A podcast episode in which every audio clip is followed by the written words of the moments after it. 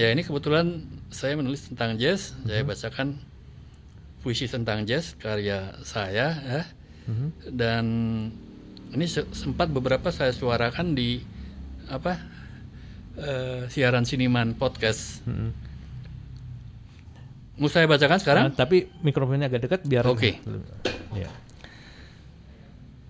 Judulnya secangkir jazz, sorry, sekedar jazz dan secangkir Java. Sekedar jazz, sekedar. Apa adanya, adanya jazz, jazz apa adanya, jazznya ada, apa adanya, apa ada, ada. Sekedarnya saja, asal ada. Ada trompet, ada saksofon, atau piano, atau suara penyanyi, atau semuanya ada. Asal. Ada yoga jazz, atau senam jazz, romantic jazz, atau dinner jazz. Lebih disuka easy listening dan tentunya wedding jazz untuk berhappy jazz. Asal. Sekedar jazz, sekedar. Apa adanya, adanya jazz. Jazz apa adanya. Jazznya ada. Apa adanya? Apa ada? Ada. Sekedarnya saja, asal ada.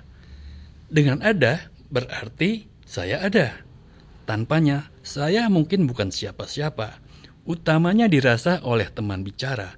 Siapa tahu ia penyanjung segala yang berbau ada. Kita pun berandai-andai dengan yang seolah-olah ada dilengkapi dengan secangkir kopi Busta atau Java Bika yang kabarnya bisa melengkapi keseolah-olahan kita sempurna apa adanya.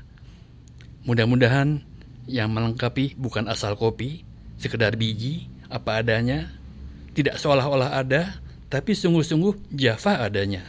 Saatnya mengolah rasa seolah-olah ada rasa dengan sekedar jazz dan secangkir Java.